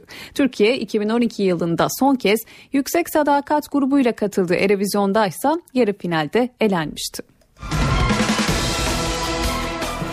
Türk Hava Yolları yayınladığı bir genelgeyle başta cep telefonu olmak üzere elektronik aletlerin uçak yerdeyken kullanımına izin verdi. Yeni uygulamada uçağa binen yolcular kapı kapanıncaya kadar cep telefonu, tablet, bilgisayar gibi kablosuz veri alışverişi yapabilen elektronik aletleri kullanabilecek. Ancak kapı kapatılıp motor çalıştırılınca tüm elektronik aletler kapalı kalacak. Havalanıp ikaz lambasının sönmesiyle birlikte yolcular yayın yapmayan elektronik aletleri yine inişe kadar kullanabilecek. Ancak kullanım uçuş moduna alınarak yapılabilecek. Türk Hava Yolları bundan önce uçağa binildiğinde cep telefonlarının kapatılmasını istiyordu. NTV Radyo Günün öne çıkan spor gelişmelerini öğrenmek için sözü NTV Radyo Spor Servisinden Volkan Küçük'e bırakıyoruz. Spor haberleri başlıyor.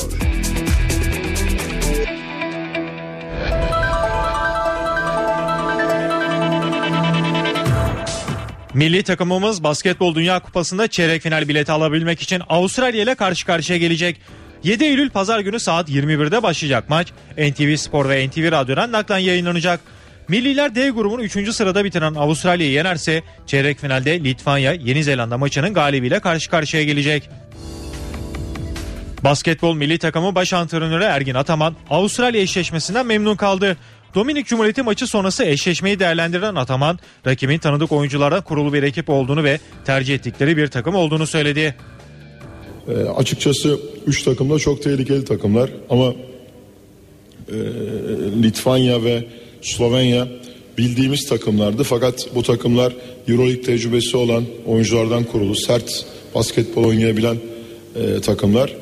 E, Avustralya takımı da gene e, özellikle işte pota altında benim e, oyuncum Nathan Cavai var. E, Aaron Baines, e, Fenerbahçe ülkenin eski oyuncusu Andersen. E, bayağı tanıdık oyuncular var Avustralya takımında. İşte Beşiktaşlı Brukov var. Eski Beşiktaşlı Brad Neely var. Bildiğimiz, tanıdığımız oyunculardan kurulu bir takım. O açıdan tabii ki hani Litvanya, Slovenya, Avustralya mı deseniz çok az bir e, farktan ben Avustralya'yı e, tercih ederdim ilk tur için. Avustralya ile eşleştik. E, çıkıp bundan sonra da bu turda Barcelona'da o maçı artık her maç bir final olacak biliyorsunuz. Kazanan yoluna devam edecek. Kaybeden turnuvayı tamamlamış olacak. Ee, tabii ki tek hedef pazar akşamı Avustralya'yı yenip dünyanın en iyi 8 takım arasına girmek olacak ilk etapta. Tahkim Kurulu Süper Kupa maçı sonrası disiplin kurulunun verdiği cezaları değiştirdi. Galatasaray bir maç seyircisi oynama cezası veren kurul Fenerbahçe'nin aldığı para cezasını da arttırdı. Disiplin Kurulu Trabzonspor Başkanı İbrahim Hacı Osmanoğlu'na da 30 gün hak muharemeti cezası verdi. Fenerbahçe ile Galatasaray arasında Manisa'da oynanan Süper Kupa maçı sonrası iki kulübe verilen cezalarda artış yapıldı. Maç sonrası disiplin kuruluna sevk edilen iki kulübe verilen cezaları az bulan Futbol Federasyonu Hukuk Müşavirliği tahkim kuruluna itirazda bulunmuştu. Tahkim kurulu yaptığı toplantıda cezaları değiştirdi. Galatasaray taraftarın neden olduğu saha olayları nedeniyle bir maç seyircisiz oynama cezası verildi. Karara gerekçe olarak oyunun iki kez durması ve atılan cisimler nedeniyle bir görevlinin yaralanması gösterildi. Sarı Kırmızılı Kulübün 250 bin liralık para cezası ise 100 bin liraya indirildi. Fenerbahçe Kulübü'nün aldığı para cezası 120 bin liradan 200 bin liraya yükseltildi. Bu kararın gerekçesinde ise oyunun bir kez durduğu ifade edildi. Profesyonel Futbol Disiplin Kurulu Süper Lig'in ilk haftasındaki olaylarla ilgili cezalarını açıkladı. Trabzonspor Başkanı İbrahim Hacı Osmanoğlu'na kulübün internet sitesinden yaptığı açıklamalar nedeniyle 30 gün hak mahrumiyeti cezası verildi. Bordo Mavili Kulübe'de internet sitesinde yer alan sportmenliğe aykırı açıklamalarından ötürü 70 bin lira ceza geldi. Başakşehirli Rotman'a Kasımpaşa maçında Alparslan Öztürk'e yaptığı sert faul ve gördüğü kırmızı kart nedeniyle iki maç ceza verildi. Disiplin Kurulu Galatasaray, Bursa Spor, Fenerbahçe, Eskişehir Spor, Torku Konya Spor ve Gençler Birliği'ne de çeşitli para cezaları verdi. Galatasaray Kulübü Tahkim Kurulu'nun ceza artırma kararına tepki gösterdi. Sarı Kırmızılılardan yapılan açıklamada bu karar yok hükmündedir denildi. Galatasaray Kulübü Futbol Federasyonu Tahkim Kurulu'nun verdiği bir maçlık seyircisiz oynama cezasına sert tepki gösterdi. Sarı Kırmızılı Kulübün resmi internet sitesinden bu karar yok hükmündedir başlıklı bir bildiri yayınlandı. Açıklamada tahkim kurulu tarafından alınan hukuk dışı kararları tanımıyoruz. Bu karar kasıtlıdır, taraflıdır ve hatta kulübümüze ve camiamıza karşı düşmanca niyetler taşımaktadır denildi.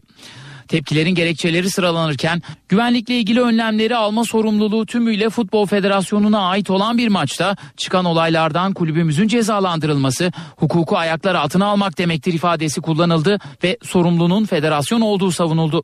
Tahkimin kendilerine sağ kapatma cezası verirken Fenerbahçe'nin sadece para cezasında artış yapmasının tarafsızlığa aykırı olduğu belirtildi. Açıklamada disiplin müfettişlerinin benzer olaylarda hatta şike davasında bile cezaların artırılması yönünde görüş bildirdiğine rastlanmamışken bu maçla ilgili kararı ve kararların alınmasındaki görülmemiş aceleciliği de dikkatlerden kaçmamıştır görüşüne değer verildi. Felipe Melo, Fenerbahçeli Volkan Demirel'in kendisi için söylediği sözlere cevap verdi. Brezilyalı Yıldız Volkan'ın söylediklerini umursamıyorum derken geçen sezon problem yaşadı Emre Belezoğlu'na ise saygı duyduğunu ifade etti. Felipe Melo Süper Kupa maçından sonra Fenerbahçe kalecisi Volkan Demirel'in kendisi için sarf ettiği cümleleri önemsemediğini söyledi. Kendisine köpek iması yapan Volkan Demirel'i umursamadığını vurgulayan Felipe Melo, Buffon gibi üst düzey bir kaleci bana bir şey söylese mutlaka onu ciddiye alır ve dinlerim. Ama Volkan'ın söylediklerini dinlemedim bile. Yani bazı laflar insanın bir kulağından girer diğerinden çıkar ama onun söyledikleri benim kulağımdan bile girmedi diye konuştu. Habertürk gazetesine konuşan Melo sadece köpekleri değil tüm hayvanları çok seviyorum. Deplasmanlarda bana hoş diyorlar, havlıyorlar. Küfretmelerinden ya da aileme kötü söz söylemelerindense böyle havlamaları daha güzel bence ifadelerini kullandı. Brezilyalı futbolcu geçen sezon saha içinde tartıştığı Emre Belözoğlu ile ilgili soruları da cevapladı. Emre ile yaşadıklarının artık geçmişte kaldığını söyleyen Melo, Emre'ye saygım sonsuz, iyi bir futbolcu olduğunu düşünüyorum. Saha içinde bu tip şeyler olabiliyor, bir atılma hadisesi yaşandı ve bitti dedi. Felipe Melo tek derdinin eve ekmek götürmek olduğunu artık Fenerbahçe ile yaşadıkları gerilimi konuşmaktan sıkıldığını vurgulayarak sözlerine son verdi. Fenerbahçe Başkanı Aziz Yıldırım yeniden yargılama sürecinde geçmişe yönelik adı geçen herkesin yer alması gerektiğini söyledi. Ersun Yanal'a ait olduğu iddia edilen ses kaydı ile ilgili araştırmanın sürdüğünü belirten Yıldırım, Pasolik'le ilgili de çarpıcı tespitler yaptı. Fenerbahçe Kulübü Başkanı Aziz Yıldırım, adalet sağlandıktan sonra el sıkışacağız dedi. Habertürk ve Hürriyet gazetelerine konuşan Başkan Aziz Yıldırım, yeniden yargılanma sürecinde geçmişe yönelik herkesin yargılanması görüşünde. Başkan Aziz Yıldırım, bizden çok daha ağır suçlamalarla karşı karşıya olanlar hiçbir ceza almadı. Herkesin yaptığı yanına kar kaldı. Adalet için herkes mahkemeye gelerek etiğindeki taşları dökmeli. Adalet sağlandıktan sonra dost kalabilenler birbirinin elini sıkacaklar diye konuştu. Yıldırım, teknik direktör Ersun Yanal'ın kulüpten ayrılmasının ardından gündeme gelen ses kaydı konusunda çalıştığını ve yakın zamanda bir açıklama yapacağını söyledi. E-bilet uygulamasına karşı olmadıklarını belirten Aziz Yıldırım, e-bilet dışındaki ticari bir anlaşmaya hayır diyoruz diye konuştu. Yıldırım, Paso Lig'in kredi kartı olarak kullanılmasını kabul edemeyeceklerini ve taraftarı bu duruma mecbur bırakmayacaklarını da sözlerine ekledi.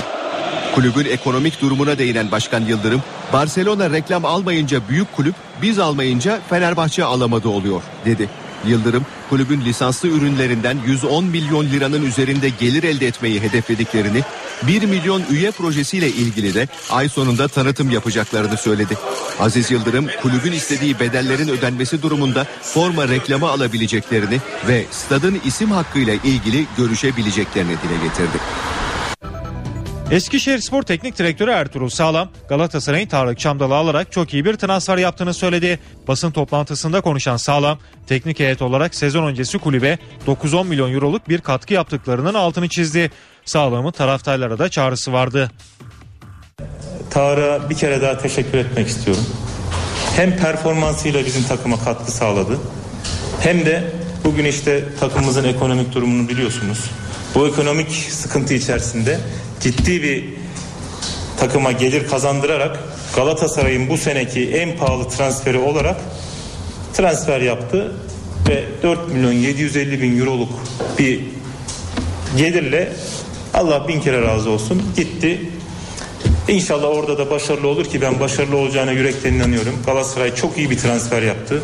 Çok da iyi bir oyuncu aldı. Ve inanıyorum ki birkaç sene içerisinde Avrupa'da üst seviyede bir oyuncu haline gelecek.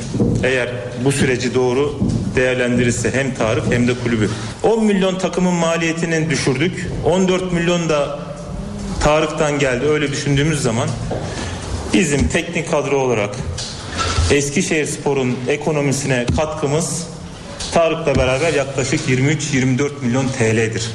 O zaman biz bu kadar böyle bir ekonomik katkıyı bu takıma koyuyorsak bundan sonra taraftar da üstüne düşen görevi yerine getirecek. İşte bahane üretmeyecek. Yani yok pasolikti, e-biletti, şeydi, sıkıntıydı, buydu. Bunu yapmayacak. Şehrin ileri gelenleri sorumluluk alacak, bu takıma sahip çıkacak. Bu haberle spor bültenimizin sonuna geldik. Hoşçakalın.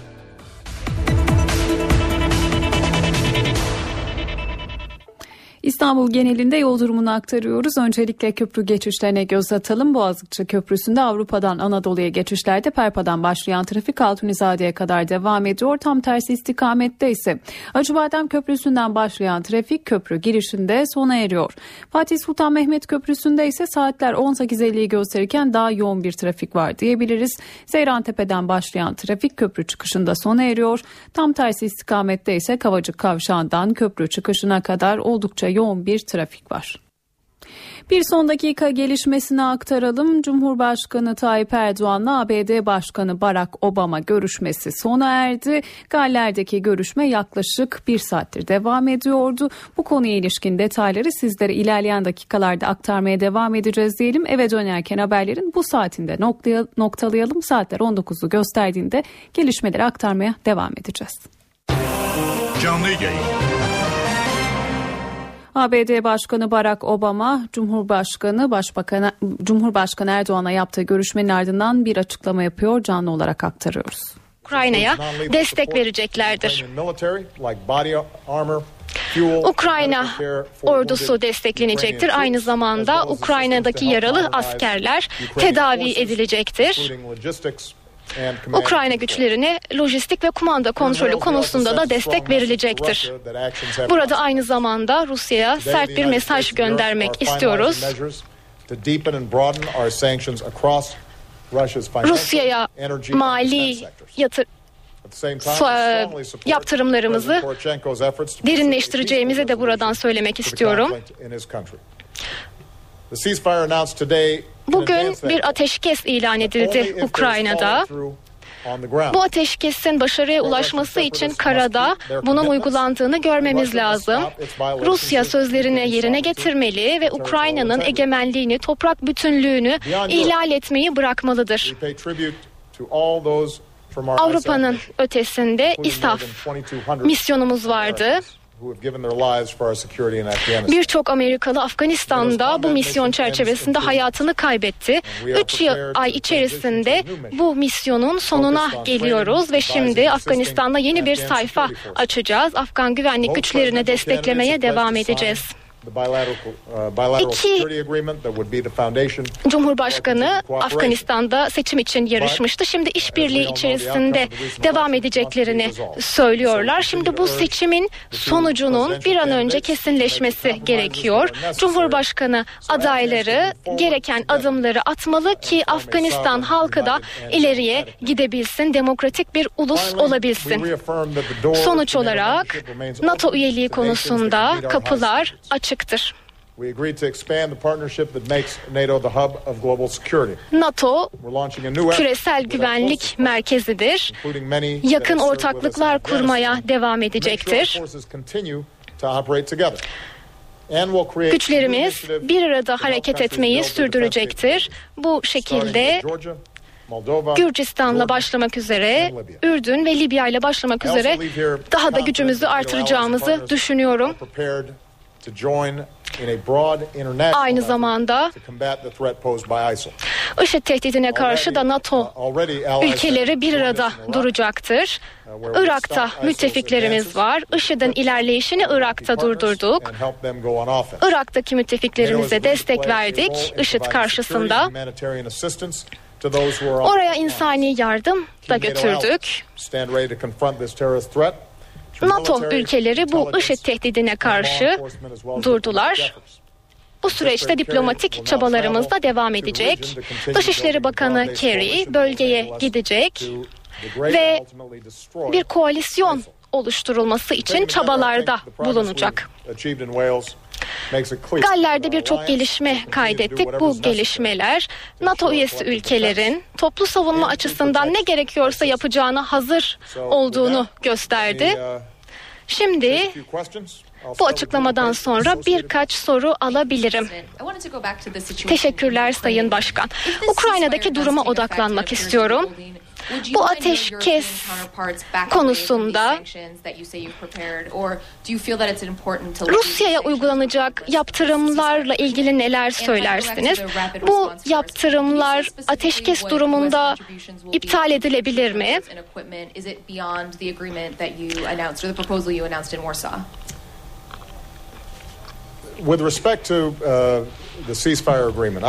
Ateşkes anlaşması açısından umutlu olduğumuzu söylemek istiyorum. Fakat geçmiş deneyimlerden de yola çıkarak biraz şüpheci yaklaşıyoruz.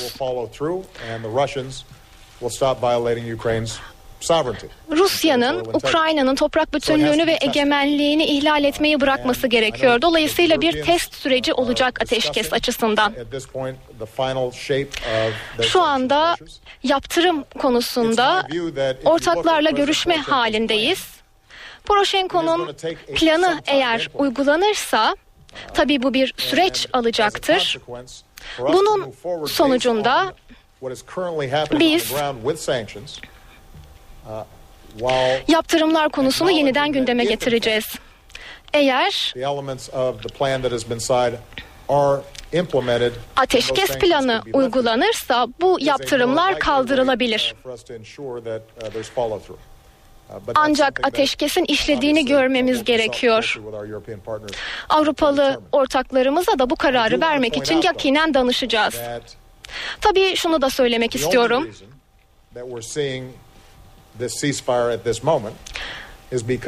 Şu anda ateşkesin olma sebebi aslında bizim geçmişte uyguladığımız yaptırımlar. Bu yaptırımlar Rusya ekonomisi üzerinde çok derin etkiler bıraktı.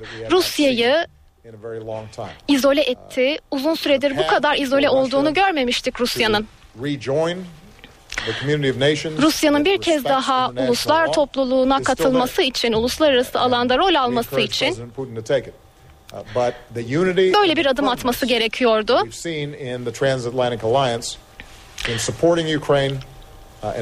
NATO çerçevesinde Ukrayna'yı destekledik ve Rusya'ya yaptırımlar uyguladık. Bunların etkisi olduğunu düşünüyorum büyük ülkeler küçük ülkeleri bir şekilde bastırmamalı. Onların egemenliğini ihlal etmemeli. Bu yönde mesajlar vermiş olduk. Dolayısıyla şu ana kadar yaptığımız işten Ukrayna krizi çerçevesinde gösterdiğimiz bu eylemlerden gerçekten memnuniyet duyuyorum. Acil müdahale planı konusunda ise şunu söylemek istiyorum. Gorshov'da 1 milyar dolarlık yatırım yapacağımızı söylemiştim.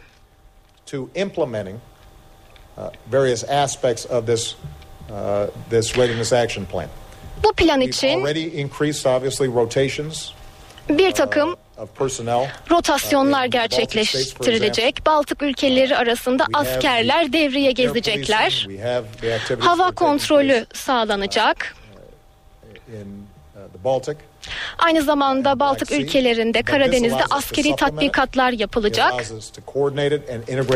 Fakat bunun diğer partnerlerden gelecek destekle gelişeceğini söylemek istiyorum. NATO'nun Rusya'nın saldırganlığı karşısında gösterdiği eylem netti, verdiği mesaj netti. Biz 5. maddenin arkasında durduk ve caydırıcı bir güç olduk. Rusya'nın olası saldırganlığını önledik. Angela King, Bloomberg.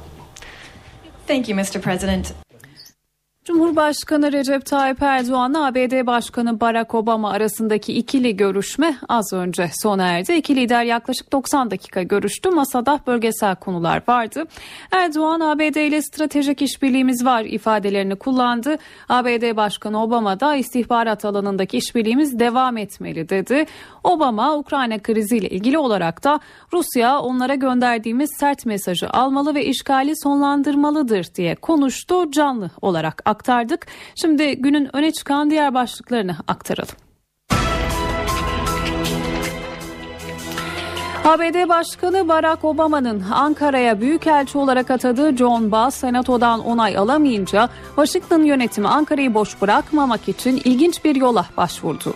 ABD Dışişleri Bakanı John Kerry eski büyükelçilerden Rose Wilson'ı Türkiye'ye maslahat güzar olarak atamaya karar verdi. Wilson yarın Ankara'ya gelerek maslahat güzar olarak göreve başlayacak. CHP'nin olağanüstü kurultayında Kemal Kılıçdaroğlu 740 oyla yeniden genel başkan seçildi. Muharrem İnce ise 415 oy aldı. Kılıçdaroğlu teşekkür konuşmasında yeni bir sayfa açtık. Birleşe kazanacağız. CHP olarak halka umut vereceğiz dedi. Kılıçdaroğlu'nun rakibi olan Muharrem İnce ise verilen destek sorumluluğumu arttırdı. Tartışacağız ama kavga etmeden sonucu kabulleneceğiz. Kılıçdaroğlu bir saat öncesine kadar benim rakibimdi şimdi genel başkanım diye konuştu. Hakimler Savcılar Yüksek Kurulu'nun üyelerini belirleyecek kritik seçim öncesi 15 bin yargıca zam ve sicil affı geliyor. Türkiye Eurovision şarkı yarışmasına 2015 yılında da katılmayacak. Süper Loto'da büyük ikramiye ikiye bölündü. Talihliler Van ve Edirne'de. İstanbul genelinde yol durumunu aktarıyoruz. Öncelikle köprü geçişlerine göz atalım. Boğaziçi Köprüsü'nde Avrupa'dan Anadolu'ya geçişlerde Edirne kapıdan başlayan trafik köprü çıkışına kadar devam ediyor. Tam tersi istikamette ise Acıbadem Köprüsü'nden başlayan trafik köprü girişinde sona eriyor. Fatih Sultan Mehmet Köprüsü'nde ise Gazi Osman Paşa Toki konutlarından başlayan trafik köprü çıkışına kadar sürüyor. Tam tersi istikamette ise daha yoğun bir trafik var diyebiliriz. Tam Ataşehir'den başlayan başlayan trafik köprü girişine kadar sürüyor. Eve dönerken haberleri noktalıyoruz. İyi akşamlar.